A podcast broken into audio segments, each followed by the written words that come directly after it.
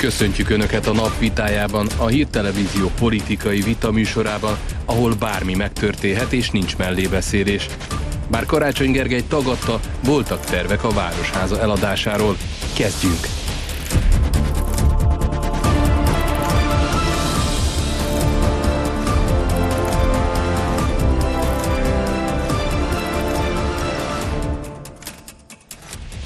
Ez a csörte a napvitája. Mai vendégeink Ferenc Orsolya miniszteri biztos, aki szerint a fővárosi önkormányzat jelenlegi vezetése ugyanazt csinálja, mint a balliberális oldal korábban, elkútja vetélni a közvagyont. Ungár Péter az LNP elnökségi tagja, aki szerint az EU jobboldali vezetése nem a megoldás, hanem a probléma része a klímaváltozás elleni harcban. A résztvevők ugyanannyi időt kapnak érveik bemutatására, és ahogy az idő lejár, elnémul a mikrofonjuk. A vitát két elemző újságíró figyeli, akik a második részben mondják majd el véleményüket. Aki a szabályokat ma betartatja, M. Dobos Marian. Jó estét kívánok, és Városháza ügyel kezdünk. Tarlós István most azt nyilatkozta, hogy a hülyék bántorsága, akinek eszébe jut a Városháza eladása. Ön is ezt gondolja? Én szeretném azzal kezdeni, hogy a Városháza eladása kapcsán szerintem érdemes arról beszélni, hogy miért, miért merült föl a fővárosban az, hogy nem ez, de más ingatlanok kapcsán eladási szándékkal éljen. Azért, mert ma is új szám jött ki, hogy 42 milliárddal csökkent a főváros meg a kerületeknek a költségvetése, elvon a kormány a fővárostól és a kerületektől, és ezért csőd közeli helyzetben avírozta a nemzetünk fővárosát és kerületeit, és ezért van ilyen megszorítás. És Amú... ezért akarják eladni a fővárosnak az ingatlanját? E, ingatlanjait, a városházáról nem volt szó, én azt szeretném még ezzel kapcsolatban elmondani, hogy nem tudom, mikor voltak a Városházán utoljára. Én nekem általában az szokott róla eszembe jutni, hogy egy 74-es Kádár rendszerről szóló film egyik díszlete, és ami igazán patináns, az a Váci utcában lévő eredeti Városháza, ami ugye Budapest újraegyesítése körül megépült. Hát az a helyzet, hogy ha valami a 74-es milliót visszaidézi, akkor az pont ez a suskus, ami most zajlik. Először is több mint 180 milliárd forint plusz alatt át Tarlós a főváros 2019-ben, ez az egyik. A másik, amit elvonásnak értelmeznek, és állandóan azt halljuk, hogy, hogy rettenetes nagy sírások robaja érkezik a különféle ellenzéki irányítású önkormányzatokból, azoknak nagy része egyébként nem ilyen egyszerű kérdés. Például mondjuk, amikor a parkolási díjakat a járvány alatt ugye a, a kormány javasolta nem behajtani a lakosságon, akkor a lakosságnál hagyta a pénzt. Egyébként Józsefváros példája ugyanez, ahol soha nem látott magaslatokban van a költségvetése, soha nem volt még 28 milliárd forint, ehhez képest azt mondhatjuk, hogy nincs pénz. De a legnagyobb probléma az a stílus, a, ugye a stílus maga a városvezetés, az, ami itt történt, az megmagyarázhatatlan és visszatetsző. Jó, akkor maradjunk a Városháza épületénél. Karácsony Gergelyék is elismerték, hogy voltak tervek a Városháza eladásáról. Ez helyes, vagy nem? Én ismételten azt mondom, hogy szerintem ezt fölvetni nem ördögtől való. Volt egy klasszikus városházája Budapestnek, ami egy nagyon szép épület, nem tudom, hogy képviselőasszony látta-e, ott a Váci utcában található. Szerintem például azt visszaállítani, de én amúgy ezt gondolom a Szombathelyi Városházáról is, hogy a bombázás előtti városházát például visszaállítani, kifejezetten konzervatív és építő dolog lenne. Én is nagyon szerettem az eredeti épületeket visszaépíteni, egyébként örülnék, hogyha ugyanezt a várprogrammal kapcsolatban is hallanánk az LMP részéről, hiszen ott pont ez történik, de eh, nem az a legnagyobb probléma. Egyébként, hogy a városházával milyen célok vagy ötletek vannak, hanem a legnagyobb, ami zavaró tényező ebben az a tagadás, ami zajlik, amióta ez az ügy kirobbant. Hogyha ez annyira természetes dolog, hogy egy egyébként főleg Demszki alatt tönkrement városházat, hiszen 90-től 2010-ig Demszki Gábor és az SZDSZ vezette ezt a várost, hagytak így tönkre menni, és valamit akarnak vele kezdeni, akkor álljanak a választók el, és mondják, hogy mit akarnak. De az is kérdés egyébként, hogy miért tagadja Karácsony Gergely. Ugye ahogy megjelent az első cikk az Indexen, azt mondta, hogy nem olvas többet Indexet, és ahogy jöttek az információk, tételesen ő ezt cáfolta, azt is mondta, hogy nincs ilyen ügy, majd ahogy jöttek az újabbnál újabb információk, azért mindig valahogy elismerte, hogy voltak. Akkor miért nem lehetett először azt mondani, hogy volt ilyen terv, elvetettük, nincs már itt semmi látnivaló. Biztos vagyok benne, hogy főpolgármester úr maga tud ezekre a kérdésekre válaszolni, de mi egyértelműen hiszünk neki abban a tekintetben, hogy jelenleg nincs szándék a városháza eladására. Hát ahhoz képest, hogy nincs szándék, gyakorlatilag már megvalósíthatósági tanulmányig jutott a dolog, és mint látjuk ezekből a hangfelvételekből, a belső beszélgetésekben késztényként vették még azt is, hogy hát majd látszatból építenek oda egy parkot, mert azt megígérték, aztán majd ugye szétcseszik, így hangzik a beszélgetésen. Talán, talán ez, ez az ellentmondás a legvisszataszítóbb ebben, mondom attól függetlenül, hogy egyébként mit lehet kezdeni egy, egy tönkrement városházával, szerintem fel is lehet újítani. És azt el tudják képzelni, hogy Karácsony Gergely nem is minden ilyen részletről tudott, hanem mondjuk a mögötte lévő háttéremberek tárgyalásokat kezdeményeztek, próbáltak többféle stratégiát kidolgozni, ilyet is lehetett hallani, hogy nem biztos, hogy ő erről tudott. Röviden nem. Szerintem minden városvezető tudja, hogy a vagyonkezelő körül 1500 olyan kérdés van, ami nem is kerül a városvezetés elé. Ez mindenhol így van a világon, és így volt mindig. Hát én ezt nem, nem fogadom el, ez nem így van. Egy városvezetés az irányítsa a várost, és legyen felelős. De hogyha már egy lmp képviselő itt van, hadd kérdezzem meg, milyen véleménye arról, amit ezen a hangfelvételen lehetett hallani, hogy elkészítik ezt a parkot, majd akkor a mélygarás meg a homlokzatot feltúrják a parkot, és végül is ott elhangzott, hogy végül azért csinálják most meg, mert megígérték, de utána egy évvel később föl kell túrni. Értelemszerűen annak nincs értelme, hogyha valaki épít egy parkot, mert feltúrja, de én nagyon remélem, hogy ilyen valós szándék azokon az embereken kívül, akiket pontosan nem tudom kicsodák, ezt a hangfelvételben elmondták, és amúgy azt gondolom, és remélem legalább akkor ebben egyet tudunk érteni, hogy minél több közpark létesül Budapesten, annál jobb a budapestieknek. Ezek frázisok itt az a helyzet, hogy Karácsony Gergely gyönyörű szépen bemutatta azt, hogy a háttérben mutyizik, aztán az egészet letagadja. Én ennyit látok ebből eddig. Jó, hát akkor nézzünk egy másik témát, szerintem ez még napokig azért foglalkoztatja a közvéleményt, mi is fogunk erről beszélni, de jön akkor egy másik téma. Szálljon be ön is, küldje el a véleményét a 0630 654 77 28-as telefonszámra, SMS-ben, Viberen és Whatsappon, és legyen öné a nap kommentje. Több évtized után új atomreaktorokat épít Franciaország, hogy az elszálló energiaárak hatását jobban ki tudja védeni. Közben fagyoskodásra és sötétségre készíti fel a német lakosságot a helyi katasztrófavédelem. Az Európát sújtó energiaválság miatt Németország szűkös földgázkészlettel vág neki a télnek. Ungár Péter közösségi oldalán azt írta, az unió vezetése arra készül, hogy környezetvédelmileg fenntartható energiaként címkézze meg a gázt és a nukleáris energiát. Szerinte pedig az unió jobboldali vezetése nem a megoldás, hanem a probléma része a klímaváltozás elleni harcban. Most mondanám, hogy egy szóval erről mit gondolnak, de inkább azt kérdezem, mit szól ehhez a francia hírhez? Szerintem nagyon kevesen voltunk abban a kérdésben naívak, hogy nemzetállami állami és ipari érdekek fel fogják vizezni azt a klímastratégiát, amit az Európai Unió vezetése elfogadott, amit amúgy az Európai Néppárt és ugye az egyik vezetője Ursula von der Leyen bejelentett, hogy ez ilyen mértékben fog történni, az azért engem bevallom őszintén megjelent. Tehát én a következő lépésnek azt várom, hogy a kőolajat fogják még környezetileg fenntartható energiának tekinteni, meg esetleg a lignitet, körülbelül még ez tud itt jönni lehet arról vitatkozni, hogy milyen átmeneti energiákat kell használni, amíg átállunk a zöld energiára. Ez, egy nagy, ez bírja a vitát.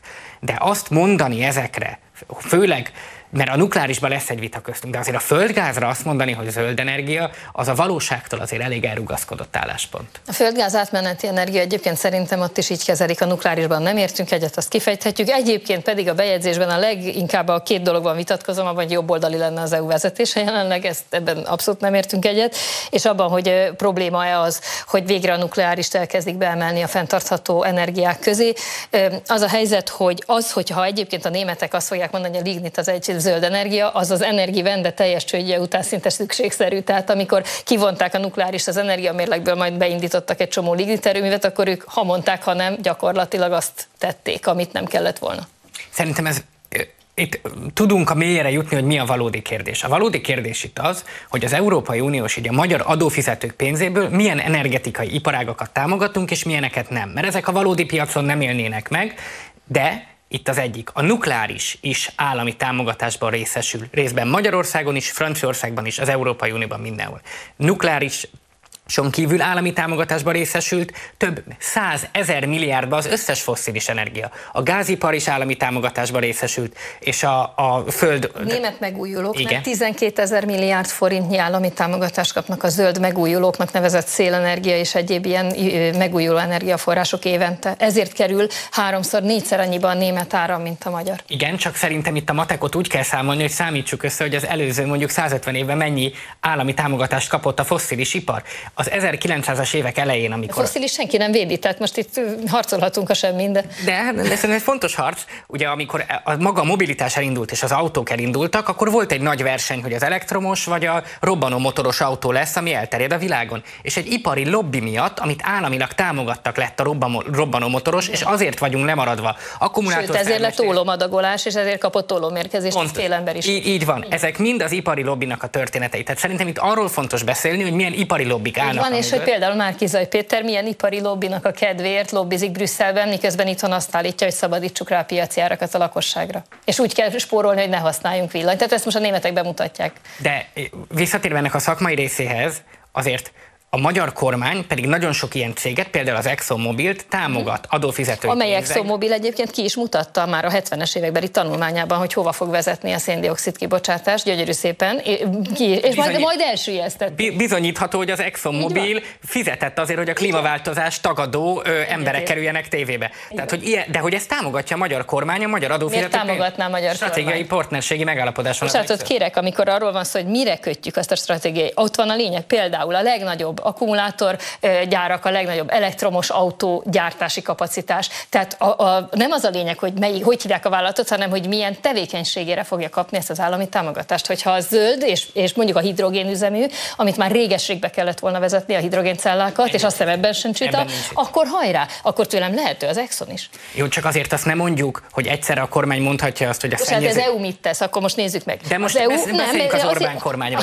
Azért nem, mert ez nem független, mert az EU mit csinál. Az EU azt mondja, hogy, hogy nem lehet külön adó. Ugye mi bankadó, nem lehet bankadót bevezetni, mert kivonulnak a bankok. Nem lehet szektoriális adó, mert így lesz, úgy lesz, amúgy lesz. Folyamatosan támogatta a multikat, és most ugyanezt csinálja az, EU, az energiában is. És közben mit csinál a Német, Németország? Kinyitja a ligniterümeket, sőt, újakat épít, sőt, felszíni lignit bányákat csinál, és, és elbont száz éves, meg több ezer, év, vagy több száz éves templomokat. Igen, de hogyha arról beszélünk, hogy mit csinál Magyarországon az Orbán kormány, mert megint a Bundestagban vagyunk egy vitán, ott az a helyzet, hogy elmondják, hogy a szennyező fizet elvének kéne érvényesülni, amivel amúgy egyetértek, és közben a magyar adófizetők az ExxonMobilt igazából mindegy mire, mert az egy klímabűnöző vállalat támogatják. És ez egy ellentmondás, amit kérek, nem a magyar gazdaságot védi, mikö, nem, miközben olyan célkitűzéseket támaszt például az itt működő ö, ö, nagyvállalatok felé, amiket nekik teljesíteniük kell, és ezzel egy időben védi a piaci ártól a magyar lakosságot. Az önök minisztere, vagy hát a ti miniszterelők meg rá akarja szabadítani ezt az árat a lakosságra. Az a javaslatom egyébként, hogy ne kifejezetten egy vállalatról beszéljünk, nehogy a végén megkapjuk azt, hogy reklámozunk egy céget, hanem Nem egy hiszem, kicsit hogy ez nyissuk, reklám. nyilván, uh, nyilván egy kicsit uh, ki kellene nyitni ezt a kérdéskört, és hogyha már uh, arról van szó, hogy atomenergia, vannak uh, olyan pártok, nem csak mondjuk az LMP, hanem nagyon sok európai párt, amely szinte teljesen kizárna az atomenergia meglétét. De pont Emmanuel Macron mondja azt, hogy nekik, a franciáknak nélkülözhetetlen az atomenergia ahhoz, hogy az általuk megcélzott 2050-re kitűzött karbonsemlegességet meg tudják valósítani. Tehát ő is azt mondta, hogy nekik például ez létfontosságú. Miért ne lehetne például a magyaroknak létfontosságú egy atomerőmű megléte, felújítása, újépítése és működtetése?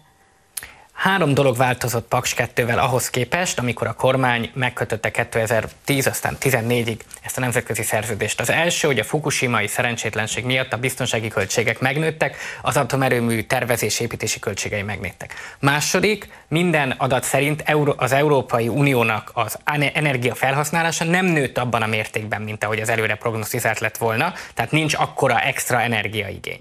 És a harmadik pedig az, hogy az alternatív energiák részben állami támogatások következtében nagyon-nagyon csökkentették azt a mértéket, amivel drágábbak lettek volna, tehát előbb-utóbb 10-15-20 éven belül be fogják érni, és olcsóbbak lesznek, mint az atomenergiának per megawatt, és ebben fogadást is tudok itt kötni képviselő asszonynal a Magyarország nyilvánossága előtt akár.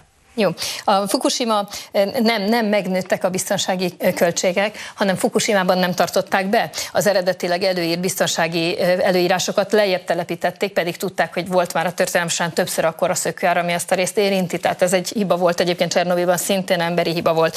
E, tehát Paks 2 a biztonsági előírásai messze menően többszörösen túl teljesítik azt, ami ott valamilyen fenyegetésként reálisan előfordulhatna. Az EU energiényige súlyosan nőtt, de hogy is nem nőtt, azért fognak most nem sokára gyertyával melegedni és világítani. Hát jelen pillanatban nem tudják ellátni, több ponton szakad be az energiaellátás, de egyébként ehhez képest nő az energiaigény, folyamatosan nőni is fog. Egész egyszerűen ennek a, a, a számításaiban világos, hogy a GDP növekedés és az ipari átállás mellett az energia igény nőni fog, a forrása nem mindegy, hogy miből állítjuk elő. Úgyhogy az a helyzet, hogy támadni a nukleáris, miközben most már az egész világon beismerik, hogy nem lehet kivonni, és nem is kell kivonni a fosszilis mentes energia mérlegből, ez egy óriási hiba. De bocsánat, bár nekünk van egy nagyon radikális véleményünk magáról a nukleáris energiáról, de próbálunk józan emberek lenni. Mi azt nem mondjuk, hogy ha az LMP holnap kétharmaddal kormányra kerülne, lekapcsolnánk Paks egyet. Tehát az szépen fusson ki. Ezt nem mondjuk. Azt mondjuk, hogy nem kell ismeretlen eredetű,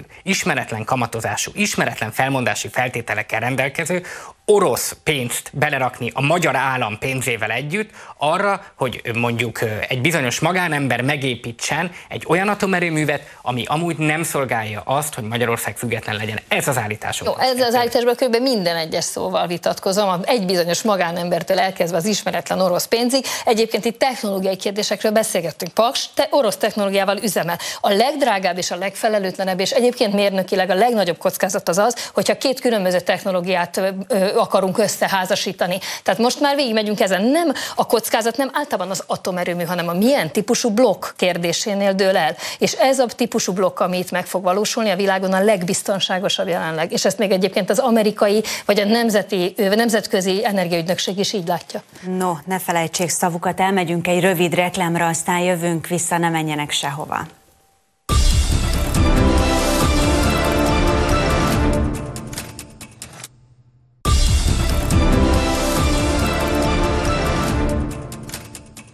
Jó estét kívánok! Folytatódik a Csörte a napvitája élőben a hírtelevízióból Ferenc Orsolyával és Ungár Péterrel.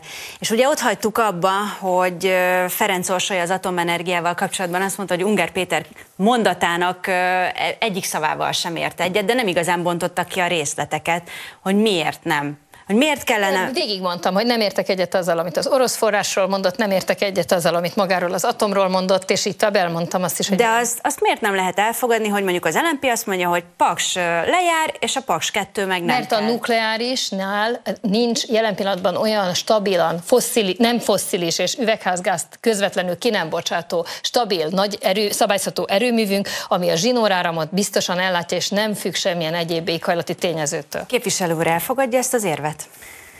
Én azt gondolom, hogy ez egy nagyon pontos ér volt az energetikának a klasszikus tudományában, de meg fog változni maga az energiaellátásnak a struktúrája. Abból adódóan, hogy van egy új ipari forradalom, ami éppen történik, és ebben meg fog változni agy, hogy a centralizált nagy erőművek helyett decentralizáltan fog maga az energia előállni, és decentralizált okos rendszerek lesznek, és ezt ebben is tudok különböző jellegű fogadásokat kötni. Köthetünk, a, a erre köthetünk, benne vagyok.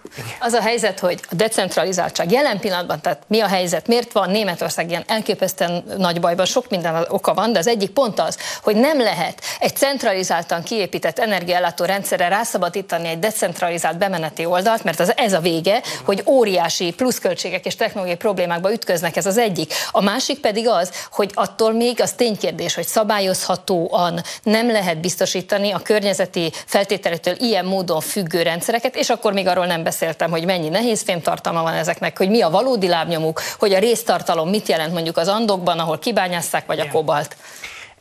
Persze minden, ami létezik, az környezetszennyező, de azért azt gondoljuk már végig, hogy Magyarországnak milyen feltételei vannak, milyen földrajzi feltételei vannak. Ezért, Példa, ezért ha hatszorozzuk meg a napenergia Például a geotermikusban Így Magyarországnak van. a legnagyobb kincse van, ugye ez részben a különböző most... tektonikusok meg földfelszíni okok miatt van így.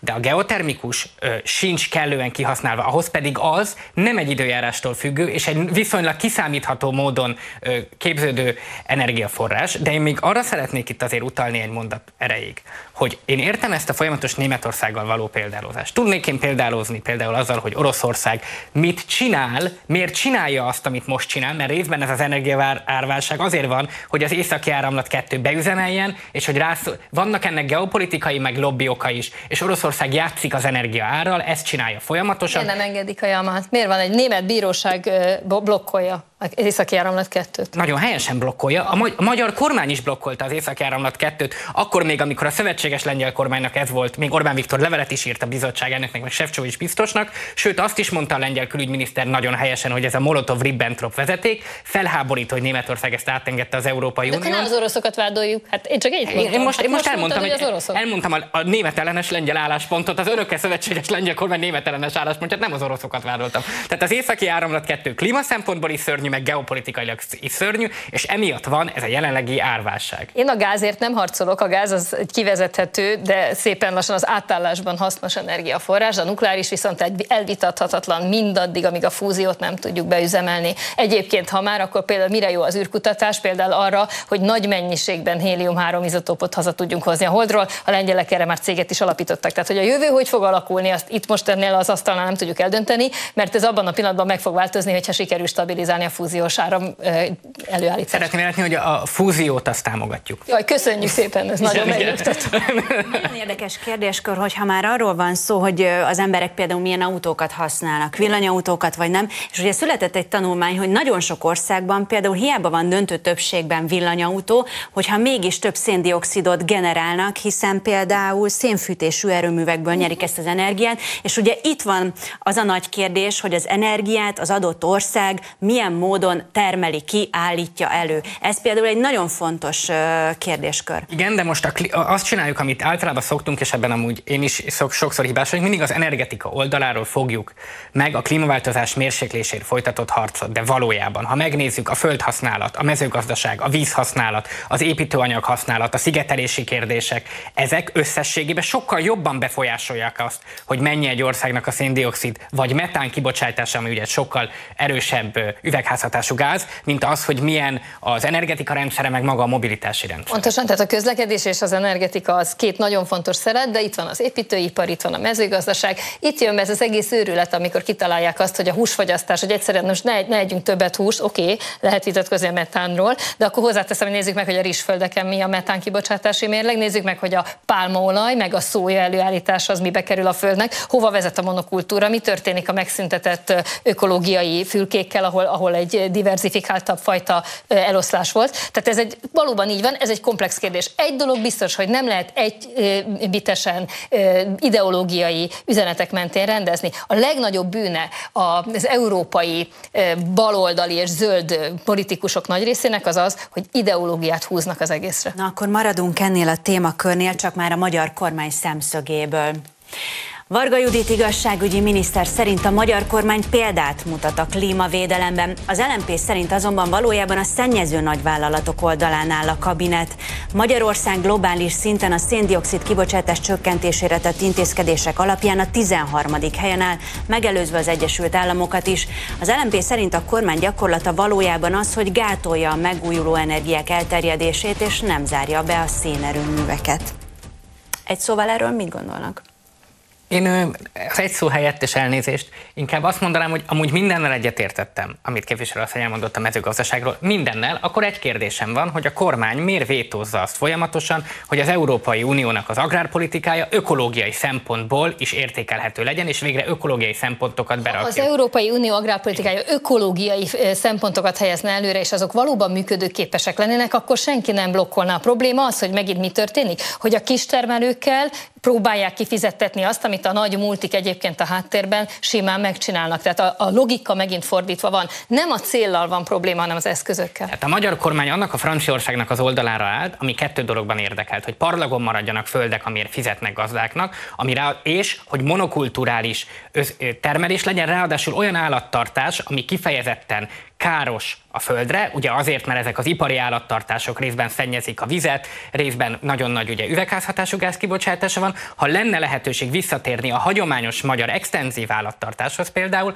az nagyon sokat segítene a klímaváltozás mérséklésért, de ennek a kormány ellenáll, mert az agrármultik oldalán áll az nem, Európai nem. Unió. Az a helyzet, hogy az Európai. Unió jelenleg nem az extenzív és a kis, a, a kis termelőknek az oldalán álló politikát vezetett elő. Ugyanaz történik, mint a nagy, a, a nagy zöld Green Deal, ugye, ahogy most akkor csináljuk meg azt, hogy minden, minden zöld lesz, és akkor mi lett a végeredmény? A multikat védjük, és a kicsikre rászabadítjuk az árakat. Ugyanezt történik az agráriumban is. Nem lehet az eszközt és a célrendszert összekeverni, a, a, a, a, tehát kitűzök valamilyen célt, és utána az, az odavezető utakon meg összekeverjük. Abban, a... Hadd vitatkozzak például nagyon erősen, hogyha a kormány tényleg az extenzív, meg ökológiai mezőgazdaság mellett állna, akkor a neonikotinoidok és az egyéb méhgyilkos vegyszereknek a tiltása ellen nem lett volna szinte az egyetlen szavazat a tanácsülésen. És ez külön fájó, mert az agrárminiszter méhész, tehát neki ezt személyesen érteni és érti is ezt a problémát, csak nem tesz ellene semmit. Tehát nagyon sok olyan kérdés volt, ahol amúgy a kormány kiállhatott volna azért, hogy vegyszermentes élelmiszer legyen,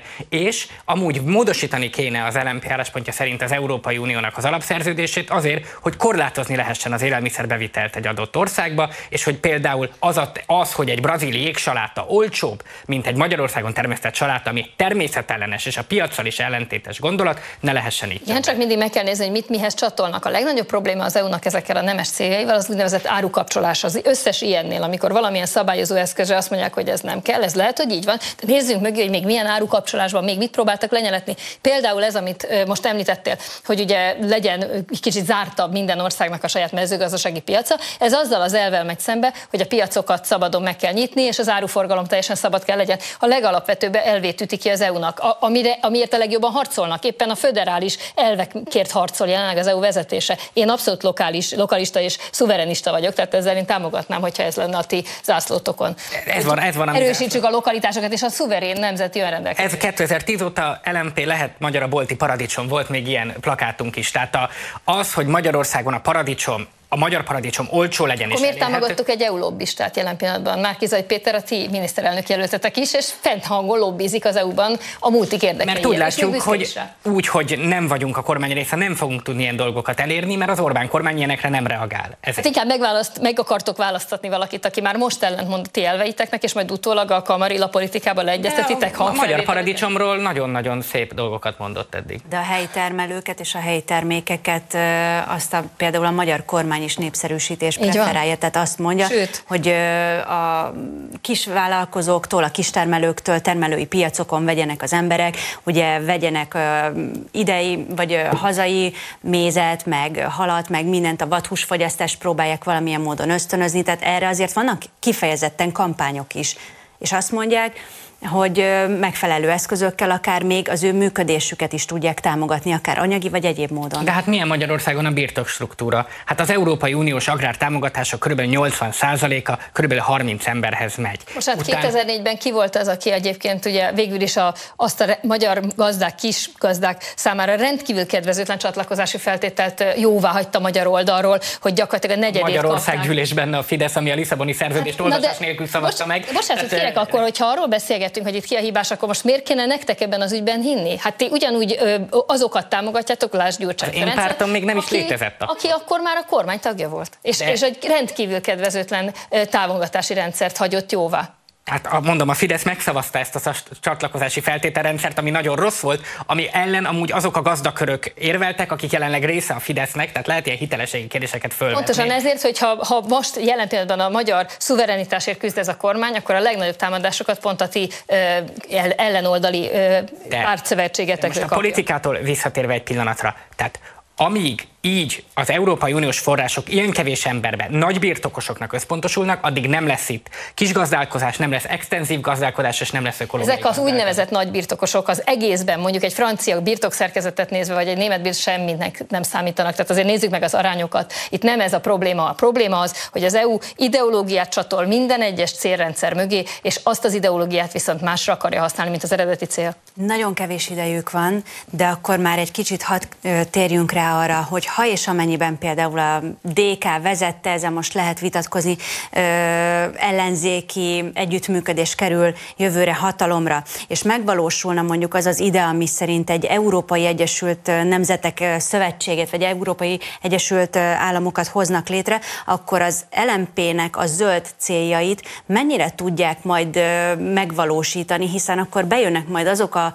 külső tényezők is, amelyek nem feltétlenül például a hazai termelőket, a hazai KKV-kat, a hazai sorolhatnám még kiket erősítenének, hanem akkor innentől kezdve egy nagy egységes európai csoport lenne. Tehát a közös ellenzéki alapban, amit aláír Dobrev Klára is, abban benne van, hogy az Európai Unió kapcsán vannak vitáink, és nincs benne az Európa Egyesült Államok, ez a demokratikus koalíció álláspontja, ők tudják, hogy én ezzel nem értek egyet, és ennek ellenére jó szövetségesek leszünk. Én ezt elfogadom, az a kérdés, hogy például az LMP céljait innentől kezdve hogyan lehetne megvalósítani.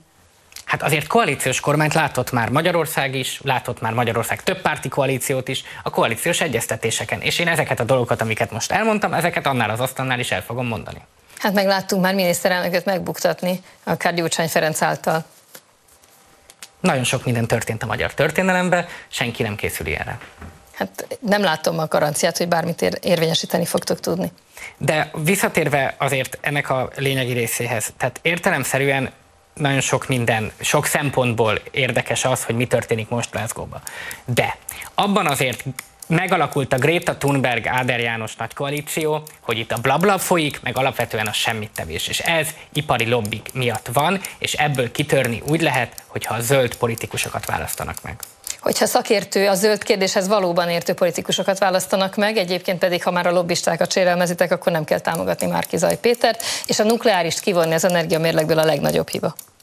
És visszatérve amúgy még arra, hogy Szerintem egy súlyos hiba, hogy Magyarország ilyen alacsony szinten képviseltette magát a Glasgow-i klímacsúcson. Ugye egy államtitkár van ott meg az államelnök, aki Magyarországon egy nem egy fontos figura, Orbán Viktornak vagy valamelyik miniszterének ott kellett volna lennie.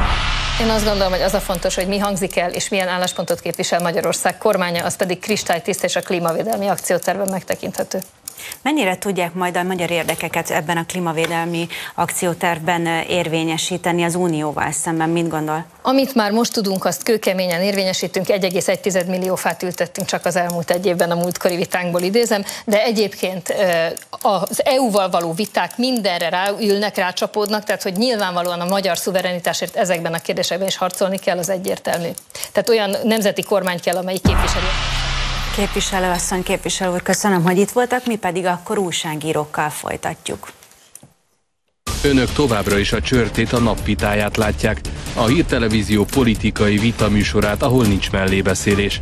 A politikusok vitája után most az újságíró ki a terep, akik eddig élőben a stúdió előtt követték az adást.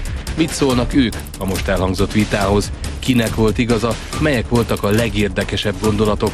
És akik most egyenesen megmondják a véleményüket a politikusokról, Nagy József és Csizmaria Tamás. Szerbusztok, jó estét nektek! Komoly teher van rajtunk. Mert? Hát akik most egyenesen megmondják a véleményüket a politikusokról, azok. Milyennek láttad a politikusok vitáját? Nekem ez tetszett, egyrészt, másrészt nagyon nem tetszett. Végre két olyan embert láttunk, akik nem gyűlölték egymást, még tegeződtek is, és láthatóan őszintén respektálták egymást. A másik az, hogy nyilván egy televízió ezt a 30 percet tudja egy ilyen bonyolult témára feldobni. Itt egyenként volt egy tíz olyan kérdés, amit szívesen vennék, hogyha ezek az emberek, meg a mögöttük álló pártok, meg politikai tömörülések akár heteken keresztül tárgyalnának, de mondom, amit láttam, két felkészült, szimpatikus ember. Hát én nagyjából csatlakozni tudok ehhez az állásponthoz, tehát itt minden egyes pont gyakorlatilag egy könyv, vagy inkább egy könyvtárnyi irodalommal rendelkezik, és hát azért ezek a kérdések, ezek a klímapolitikai kérdések gyakorlatilag a, a hát tulajdonképpen az 50-es évektől kezdve folyamatosan, úgy politikai, mint szakmai területen egy nagyon fontos vitában ö, csúcsosodnak ki, azóta tart, ö, szerintem itt a, a döntőbírónak lenni ebben a kérdésben nagyon nehéz. Meg ezek az, bocs, az emberiségnek a nagy kérdésé, tehát például az, amit itt is érintettek, hogy atomerőmű vagy nem, atom, a nem atomerőmű, mind a két a pro és a kontra oldal is hosszan érvelhető csak emögé be kell tenni ugye a technikát, meg a tudományt, hogy mondjuk a zöld energia milyen tempóban fejlődik, az atomenergiát lehet szeretni zöldnek nevezni, be, be kell tenni még a kockázatokat, az, hogy tényleg volt Fukushima, tényleg volt Csernobil, most éppen kollégával megnéztük, itt 468 atomerőmű működik most jelen pillanatban a világban, az emberi tényező mindegyikben benne van, ott is el kell valahogy vermelni ugye az atomhulladékot, ami több ezer év alatt bomlik le. Tehát ezek érvényes kérdések, mögé kell tenni a friss tudományos eredményeket, és az alapján eldönteni. Egyébként szerintem valószínűleg emberiség szintjén, hogy ezt hogyan kell megoldani, de látjuk Európában is a németek azt mondták Merkel, hogy csukjuk be az erőművet, zárjuk be az erőműveket, a franciák azt mondják, hogy hozzuk az erőműveket fölfelé. Valószínűleg az emberiségnek a megmaradásának az alapkérdés az, hogy ilyenekben nagyjából egyfele húzzanak a legerősebb. Hát az az igazság, hogy azért Franciaországban talán 50 atomerőmű van. Azt nem néztük meg Tehát, tehát úgy nagyjából, nagyjából a 10% a világ összes atomerőművének pont Franciaországban van. 93 körül van. 56 aktív. 56 aktív. Na, de 93 körül, akkor lehet, hogy nem tudom a pontos számot, van az Egyesült Államokban, tehát azért ez, ez egy igen erőteljes atomenergia hátteret jelent. Ez az egyik. A másik pedig az, hogy talán, ha, ha őszinték akarunk lenni ebben a kérdéskörben, természetesen szükséges foglalkozni azzal, hogy a nukleáris fűtőelemek hova kerülnek, hogyan kerülnek oda, de hát a jelek szerint azért erről Franciaország nem kíván lemondani, és az Egyesült Államok sem, úgyhogy szerintem miért mondjunk le mi erről. Hát ez egy, egyébként egy tök, be, hogy is mondjam, érvényes álláspont. Tehát, hogyha egyszer az atomenergiából nagyon nagy baj lesz, tehát mondjuk egy háború kitör, egy világháború kitörne, és ott az atomerőműveket, mint telepített atombombákat kezelnék az, az ellenfelek, akkor ha már felrobbantanak 90 valahányat Franciaországban, meg nem tudom hányat Amerikában, akkor a mi Paks 1 az már nem osz, nem szoros, de azért... Kínában is ugyanúgy van, Oroszországban is ugyanúgy van, tehát hogy ez nyilván veszélyes, de hát azért ne háborúra kész készülünk minden tekintetben. Hát... Nézzük ennek a klímapolitikai vitának egy nagyon érdekes vetületét. Ugye Ungár Péter arról beszélt, hogy a magyar kormánynak nagyon helyes céljai vannak, nagyon jók, támogatják, csak ugye még többet, még zöldebben kellene megvalósítani, viszont annak az eszközével mi szerint, hogy nagyvállalatoknak lobbizik inkább, és itt inkább a, a nagyvállalatoknak kedvez a magyar kormány. Itt egy nagyon erős vita alakult ki, erre pedig ugye Ferenc Orsolya mondta azt, hogy ha már lobbiról van szó, akkor egy olyan ember mögé álltak be, aki most kiment Brüsszelbe és lobbizik az ottani éppen tudja kinek, tehát akár politikusoktól kezdve nagyvállalatoknak, vagy bárkinek. Szóval először is a magyar kormány álláspontja elég sok tekintetben egyértelmű volt, például a kisebb agrárvállalkozók támogatásában, és a kis családi üzleteknek a támogatásában jelentős mennyiségű uniós forrás került egyébként erre a területre. Úgyhogy én azt gondolom, hogy azért ez 2010 óta következetesen történik, hogy inkább a kicsi, inkább a kisvállalkozások, középvállalkozások támogatása történik. Azért mindezekkel együtt, tehát hogyha vala, valamely nagyvállalat idejön Magyarországra, tőkét hoz, munkaerőt hoz, ö, tudást hoz, intellektuális hátteret hoz, infrastruktúrát, stb. stb. stb. Hát azért tehát valamennyi támogatást megérdemel, hiszen a magyar GDP növekszik általa. Hát itt most akkor számos helyen tudnék veled vitatkozni, de csak egy ponton vitatkoznék, ugye, ami a kicsik támogatását illeti a mezőgazdaságban, azért erről, amit mondtál, megkérdem, amit a helyeden álló politikus asszony mondott, arról megkérdezném szívesen Ángyá Józsefet is, aki ugye a Fidesz kormányok idején volt mezőgazdasági államtitkár, és aki azzal került be, azzal a programmal került be Orbán Viktor szívébe, aztán pedig a 2010-es magyar kétharmados Fidesz kormányba, hogy azt mondta, hogy a családi gazdaságokat kell támogatni, és aztán, amikor ő ezt eh, mellett kitartott, akkor úgy repült az állásából, ahogy, ahogy mint a győzelmi zászló, és egyébként pedig az általa felépített, bocs, félmondat gödöllői tanszékét, intézetét azt sóval szántották be, miképpen sóval szántották be a kishantosi bioállami gazdaságot. Kicsit ami, álljunk, álljunk, álljunk a racionalitás talaján. Hát ezen tehát a terület alapú támogatások jogszabály szerint mindenkinek járnak. Tehát ugye ez, ez, ez a helyzet, tehát ugye ez, hogy kicsi vagy nagy földterülettel tulajdonosi háttérre rendelkezik valaki, ez teljesen irreleváns. Én nem erről beszéltem. De, de bocsánat, tehát, tehát ez mindenkinek ugyanúgy jár, bárkinek. Az Uniótól.